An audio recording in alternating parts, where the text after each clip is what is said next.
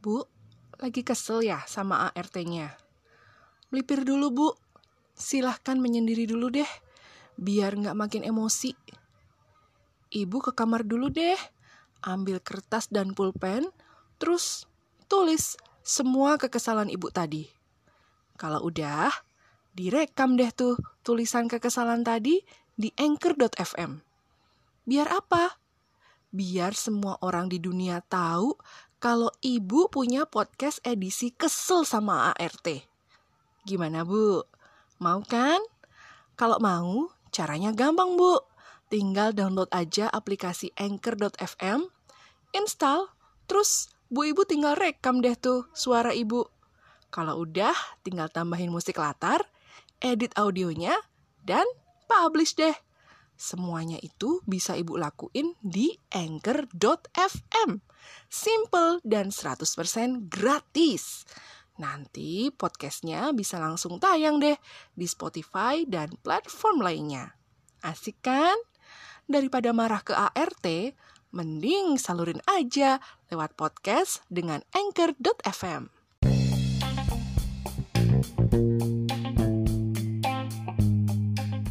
Assalamualaikum warahmatullahi wabarakatuh Halo, apa kabar Bu Ibu?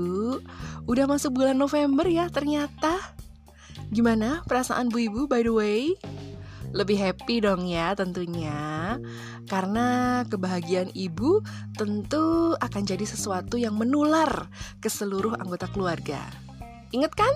Happy wife, happy life Bahkan juga mungkin nular ke seluruh penghuni rumah ibu. Kalau ada hewan peliharaan di rumah, pasti juga ikut happy. Kalau yang miara juga sedang happy. Bahkan ART alias asisten rumah tangga ibu di rumah juga pasti happy kalau tahu majikannya sangat-sangat happy. Just like smile and laughter, happiness is contagious. Dan kalau mau happy terus, Tetap stay tune dong bareng aku, Ibu Inul, di podcast Bu Ibu.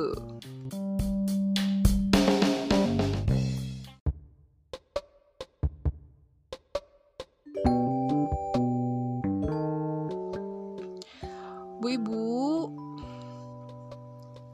beberapa hari terakhir di bulan Oktober lalu itu kita semacam dibombardir dengan berita-berita seputar ART ya, asisten rumah tangga. Ada ART yang dikabarkan disiksa dan dianiaya sama majikannya, disekap dan diberlakukan tidak manusiawi. Sampai berita yang menayangkan siaran langsung sidang pengadilan uh, kasus tembak menembak itu tuh yang mendatangkan saksi seorang ART juga dari si jenderal yang juga sebagai terdakwa. Berita ini viral karena si ART yang berinisial S itu kemudian diketahui memberikan kesaksi kesaksian yang berbeda dengan keterangannya di BAP. Jangan bingung bu, kita obrolin dikit yuk tentang ART ini, terutama tentang berita yang pertama ya tentang ART yang dikabarkan disekap, disiksa, dan dianiaya di Bandung itu.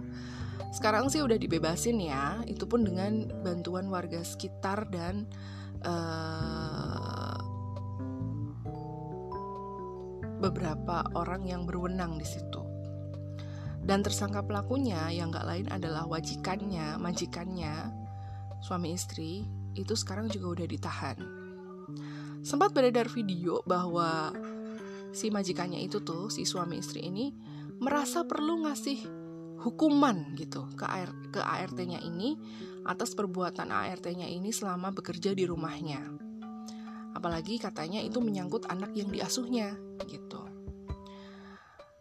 Mereka ini menganggap bahwa hal itu tuh berhak kami lakukan karena kami ini majikannya loh. Kami ini orang yang membayar dia untuk bekerja di rumah kami gitu. Nah, meanwhile, berita kedua itu jadi viral karena si ART Pak Jenderal dan Bu PC itu dijadikan saksi di sidang pengadilan. Tapi menurut banyak pihak, kesaksiannya itu banyak kejanggalannya. Mulai dari gesturnya, lalu pernyataannya yang berbeda dari keterangannya di BAP, dan adanya dugaan bahwa dia berbohong demi atau atas permintaan uh, majikannya. Highlightnya apa ya Bu dari dua ART ini? Highlightnya adalah mereka itu menuruti semua perkataan majikannya. Hmm. ART itu orang yang bekerja kepada seseorang yang lain, yang melakukan perintah-perintah, dan di situ ada relasi kuasa dan garis subordinasi di situ. Dan mereka mendapatkan bayaran upah atas pekerjaannya. Jadi bisa dibilang apa yang mereka lakukan itu lumrah atau wajar untuk mengikuti semua perkataan majikannya. Karena bisa dikatakan juga kalau mereka nggak mengikuti perintah majikan atau atasan, maka akan ada sanksi, akan mendapatkan hukuman. Dan hal ini adalah sesuatu yang kalau secara logika akan membuat mereka itu uh, memiliki ketakutan tertentu.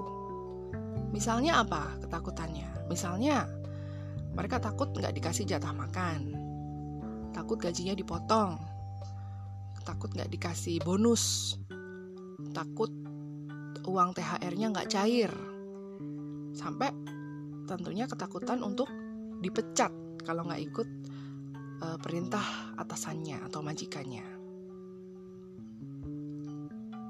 Dari kesadaran mereka sendiri bahwa mereka itu harus ngikutin perintah majikannya hingga muncul ketakutan akan hukuman yang bisa diberikan padanya oleh majikannya, makanya para ART ini kemudian terus mengikuti perintah majikannya tanpa menyadari bahwa dia berhak juga loh untuk at least menolak perintah itu. Nah, ketidakmampuan seorang ART untuk menolak sesuatu permintaan atau perintah majikannya biasanya akan memunculkan dua hal. Pertama, si majikan itu akan merasa benar-benar berkuasa atas si ART itu. Dan tentunya akan selalu ngasih perintah-perintah kepadanya kepada si ART ini secara terus-menerus. Bahkan mungkin sifatnya yang nggak masuk akal gitu ya. Dan yang kedua si ART ini bisa jadi seseorang yang akan tertindas dengan perintah dan permintaan majikan untuk ngelakuin semua pekerjaan buat si majikan gitu padahal ya bu ibu ART itu kan ya sama-sama manusia juga sama kayak kita ya seharusnya diperlakukan manusiawi juga ya By the way, ibu-ibu saat ini mempekerjakan ART di rumah. Ada berapa, Bu? Satu, dua, tiga, lima, sepuluh. Mudah-mudahan Bu Ibu senantiasa diberi kesabaran dan kebaikan hati dan tentunya limpahan rejeki ya Bu ya. Karena hal-hal yang aku sebutkan tadi itu akan berdampak juga dalam hubungan bu ibu dengan para ART itu sehari-hari. Kok bisa? Bisa. Coba, kalau ibu nggak sabar sama mereka, bisa jadi memang ibu belum siap punya ART atau ibu punya standar yang ketinggian terhadap sesuatu. Sementara ART ibu itu belum siap juga untuk itu. Bu ibu juga harus baik hati, dalam arti harus manusiawi. Contoh gampangnya aja gini bu. Bu ibu dan keluarga makan sehari tiga kali. Ya ART ibu juga harus sama. Makan sehari tiga kali dong. Penuhi hak-haknya selama bekerja dengan ibu Gajinya lancar Haknya dia dapat makan ya makan Dia dapat tempat tinggal di situ kalau ibu menginginkan ART yang nginep di situ berarti sediakan kamar yang layak, kamar mandi yang layak kayak gitu.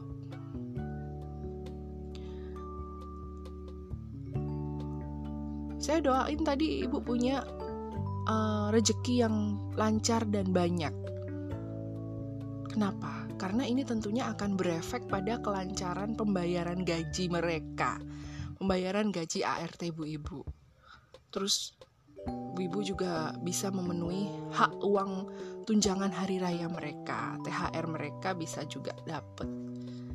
Bu ibu juga bisa ngasih bonus untuk mereka. Makanya saya doain buat bu ibu yang punya ART juga dikasih limpahan rezeki. Dan ini sebenarnya hal-hal yang harus dipertimbangkan juga ya ketika bu ibu memutuskan untuk mempekerjakan ART. Mental bu ibu sendiri udah siap belum untuk itu? Untuk bisa sabar dan baik hati terhadap mereka. Kalau Bu Inung sendiri gimana? Punya ART nggak? Oh, jujur Bu, aku pribadi sampai saat ini belum membutuhkan ART. Aku masih merasa mampu mengurus pekerjaan domestik rumah tangga sendiri, mengasuh dan mendidik anak dengan tangan sendiri. Meskipun banyak yang bilang, anakmu empat loh mbak, apa nggak capek? Gitu. Banyak yang bilang seperti itu ke saya. Mbok nyari ART aja toh mbak buat bantu-bantu. Banyak yang ngomong gitu sama saya. Bener sih, aku kadang kecapean, overwhelmed gitulah ya. Tapi kalau ternyata aku enjoy pas ngelakuin kerjaan-kerjaan itu gimana? Contohnya ya, aku itu seneng masak. Aku seneng masak. Jadi pekerjaan uplek-uplek di dapur itu juga buatku nggak masalah, Bu waktu anak-anak masih kecil dulu ya, ya aku juga tetap masak kerjaan ngasuh ngomong anak ya nggak cuma satu tapi dua tiga. Ya disambi-sambi gitu. Jadi akhirnya multitasking dan itu buat aku udah biasa gitu. Ada lagi yang komentar mbak itu setrikaan numpuk gitu loh mbak. Mbok manggil tukang setrika aja toh mbak gitu. Aku jawabnya gimana ya mungkin kalau aku nggak ada perintah dokter buat bed rest berapa hari gitu sepertinya aku akan tetap kerjain sendiri gitu. Lagian aku nyetrika juga nggak tiap hari bu. Kadang tiga hari sekali empat hari sekali malah kadang seminggu sekali. Dan aku anggap kerjaan setrika itu adalah waktu bagian me time. Karena apa? Karena aku benar-benar fokus ngerjain tumpukan-tumpukan gombalan-gombalan baju itu ya untuk disetrika dibikin jadi nggak kusut lagi dibikin jadi mulus lagi sambil nonton TV tanpa diganggu sambil nonton drakor tanpa diganggu. Jadi bisa dibilang itu me timeku juga gitu loh. Aku mau cerita nih bu. Aku pernah dulu ada ART tapi bukan aku yang mempekerjakannya Dulu waktu aku masih kecil, aku tinggal bareng Eyang Tiku ya. Bareng Eyang Tiku, Eyang putriku. Sekarang udah almarhum beliau. Eyang putriku yang mempekerjakan ART di rumah kami dulu. Kerjaan ART-nya itu adalah masak setiap hari, nyuci pakaian, nyuci piring, belanja ke pasar, nyapu, ngepel, pokoknya bersih-bersih lah. Semuanya lah Nah, Eyang Tiku itu mempekerjakan ART itu karena Eyang Tiku itu orang yang sibuk. Beliau itu dulunya adalah uh, guru kursus rias pengantin. Meskipun kursusannya di rumah, tapi muridnya banyak, mulai dari pagi sampai sore. Jadi ya, memang nggak sempat ngurusin kerjaan domestik gitu dan eyangku itu juga orang yang aktif ya berorganisasi gitu. Jadi kadang-kadang uh, keluar rumah untuk pertemuan-pertemuan macam-macam organisasi perias-perias gitu deh. Pengusaha salon kayak gitu. Nah menurutku itu adalah alasan yang tepat untuk seseorang mempekerjakan ART menurutku. Memang karena dia itu sangat uh, sibuk gitu nah si ART yang kerja di rumah Eyang Tiku itu itu juga menurutku orang yang baik. Orang yang sabar ngikutin semua aturan yang dikasih Eyangku tapi kulihat dia itu happy-happy aja. Dia itu biasanya bener-bener kelar kerja itu waktu hampir maghrib. Nah setelah maghrib biasanya dia naik tidur di kamarnya. Kebetulan dia ART yang nginep ya tinggal bersama kami gitu. Kamarnya satu lantai bareng sama aku waktu itu. Dia juga ikut makan masakan yang dimasak buat keluarga kami. Jadi nggak dibeda-bedain masakan buat keluarga ini gitu loh. Kan ada tuh yang ada tuh yang rumah ART-nya disuruh masak buat uh, penghuni keluarga buat keluarga itu keluarga inti tapi buat ART kamu masak sendiri ya gitu. Enggak. Kalau di rumah kami dulu enggak. Dia masakin buat keluarga kami sop sama perkedel ya dia juga ikut makan gitu. Nah kalau malam minggu eyangku itu juga kasih izin dia buat keluar buat main buat malam mingguan. Karena kebetulan waktu itu dia masih single. Tapi jam 9 itu udah pulang ke rumah naik ke kamar terus tidur. Nah kami sekeluarga itu dulu deket sama ART ini karena emang sering ngobrol juga sering bercanda-bercanda juga gitu. Pokoknya udah kami anggap kayak keluarga sendiri. Tapi dia itu juga nggak ngelunjak loh. Tetap ngerti kalau dia itu tuh bekerja gitu di rumah kami. Nah, mungkin cerita-cerita yang mirip dengan ceritaku tadi banyak ya bu ibu ya.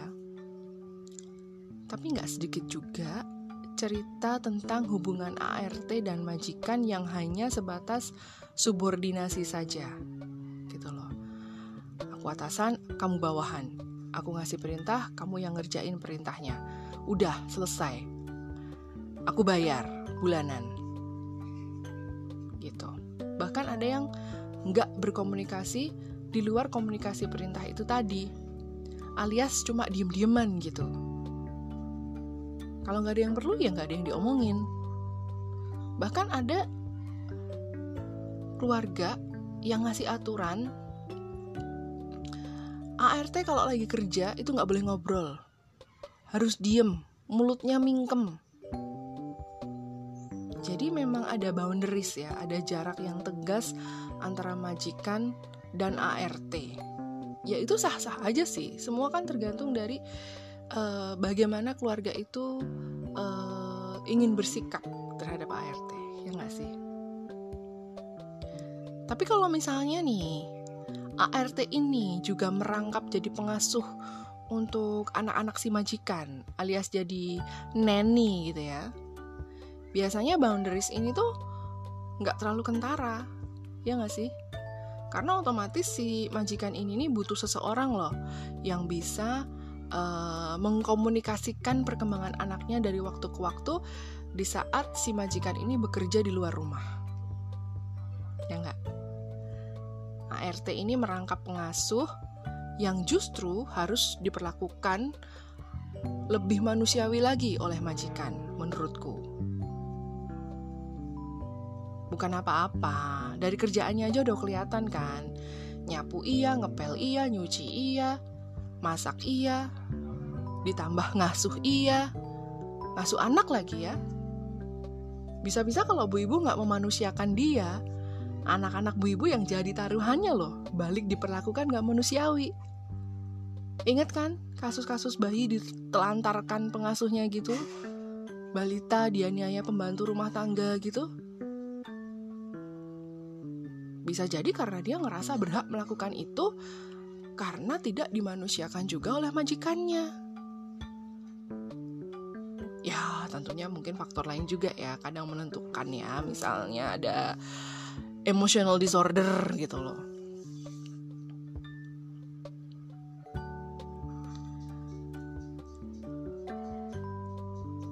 Menurutku banyak bu ibu yang sebenarnya secara real itu rely on ART. Apalagi working moms yang bekerja 8 to 4, 9 to 5, pagi sampai sore, bahkan sampai malam gitu di luar rumah. Bahwa keberadaan ART di rumah mereka itu penting demi keberlanjutan kehidupan domestik yang lancar. Maksudnya rumahnya itu biar tetap bersih, tetap rapi, anak nggak kapiran. Kapiran tahu ya? Nggak terlantar gitu maksudnya terjaga asupan makanan rutinnya. Terus anak juga ada yang nemenin di rumah gitu. Tapi semakin ke sini semakin ke sana semakin ke sini banyak ibu-ibu yang bilang aduh makin susah cari ART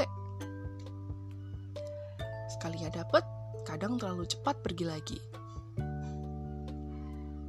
Kata orang nyari ART itu kayak nyari jodoh. Cocok-cocokan. Gak cocok, gak diperpanjang masa kerjanya. Gak betah, ART-nya minta berhenti aja. Aku kadang dapat cerita loh dari beberapa teman-temanku yang pakai jasa ART ini baik untuk ur urusan kerjaan domestik atau jadi pengasuh anaknya atau bahkan jadi dua-duanya. Banyak curhatan-curhatan tentang ART dari mulai yang muji-muji kepintaran dan kehebatan ART-nya. Kayak misalnya, "Wih, ART ku tuh kalau masak tuh enak banget loh, enak banget." Wena dia hebat kalau masak tuh. Pasti habis. Habis semua anakku lahap semua makannya itu. Salah satu kehebatan ART-nya diceritakan seperti itu atau kepinterannya. Kalau megang anakku itu anakku nggak pernah rewel. Anakku itu kayak dikasih kasih sayang yang bener-bener gitu ada curhatan-curhatan atau cerita-cerita dari teman-temanku yang pakai ART yang memuji-muji kehebatan ART. It's fine. Bagus dong kalau ternyata dia seneng dengan kerjaan ART-nya ya nggak sih? Tapi ada juga curhat-curhat yang isinya kesel, jengkel, bete ke ART-nya. Hah, alasannya macam-macam pula. Ada yang bilang karena ART-nya nggak bisa ngikutin aturannya. Aku sebel, maunya ngerjain beberapa hal doang, katanya gitu. Ada lagi yang curhat. Kesel aku sama ART-ku, main HP terus. Terus katanya ada yang curhat juga. ART-nya kebanyakan ngobrol sama ART tetangga. ART-nya ngasuhnya asal-asalan, bla bla bla bla bla bla sih tak senyumin aja. Mereka nggak tahu aja kalau ART mereka juga kadang-kadang curhat ke aku. Aku mah bagian nampung-nampung segala curhat dari berbagai kalangan. Dari ibu-ibu pejabat sampai ART pejabat. Bu Ibu, Bu Ibu, mau gimana pun jenis ART yang akan Bu Ibu pekerjakan nih, please deh kenali dulu apa yang jadi kebutuhan Ibu. Ya, yang jadi kebutuhan Ibu loh, bukan bukan kebutuhan ART ya. Pilih-pilih deh kerjaan apa aja yang memang menurut Ibu tuh sangat overload dalam mengerjakannya gitu ya. Sangat overwhelm maksudku. Bu Ibu sangat overwhelmed dengan pekerjaan bersih-bersih rumah karena rumahnya juga segede uh, Istana Merdeka mungkin. Jadi ibu ngerasa capek untuk ngepel sana ngepel sini. Ya udah, pekerjakan ART untuk itu. Ibu sangat overwhelmed dengan pekerjaan masak memasak di dapur karena anak nggak bisa ditinggal. Ya udah tinggal pilih salah satu. Ibu mau mengerjakan ART untuk masak atau mengerjakan neni untuk mengasuh anak ibu ketika ibu masak. Ini yang nggak boleh dilupain nih. Kenali juga diri ibu sebenarnya. Dalam artian bisa nggak bu ibu ini bersama si ART bersama si ART bersama-sama berkomunikasi tentang pekerjaannya dan pekerjaan ibu. Tentang kesulitan ibu dan kesulitan dia berkomunikasi tentang kebutuhan ibu dan kebutuhan dia, berkomunikasi tentang keinginan ibu dan keinginan dia. Terus kalau misalnya ibu punya anak yang udah bisa diajak ngobrol, diajak komunikasi, tanyakan pada anak ibu juga, ART ini harus gimana terhadap dia. Dan ini juga penting, ajarkan juga bagaimana anak ibu itu harus berlaku layak terhadap ART. Karena jangan mentang-mentang punya ART, semua-semua harus dikerjakan oleh ART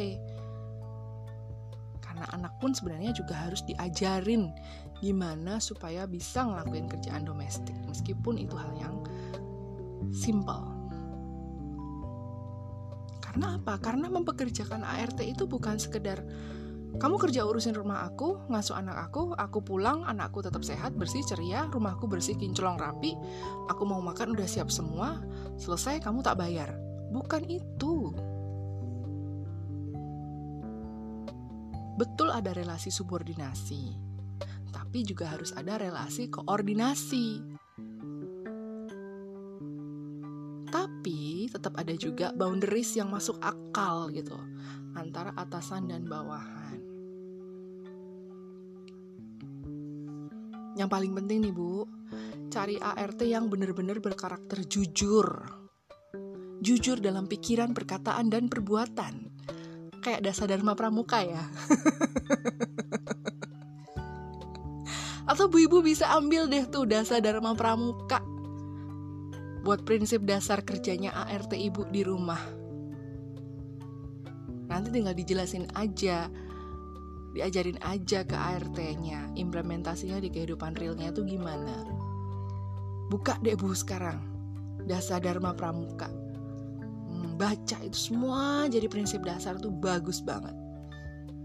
Oke bu, yang rukun-rukunnya sama ART. bu ibu jangan lupa subscribe dan follow podcast ini di berbagai platform podcast kesukaan bu ibu. Nyalain lonceng notifnya ya biar nggak ketinggalan update episode terbaru. Terus jangan lupa like atau love atau bintangnya ya yang banyak ya Terus DM aja Bu kalau mau usul tema atau mau curhat dan diangkat di podcast ini boleh banget langsung aja ke akun IG at podcast Bu Ibu. Thank you Bu for having me. Cheer up. Aku Ibu Inung. See you again on podcast Bu Ibu.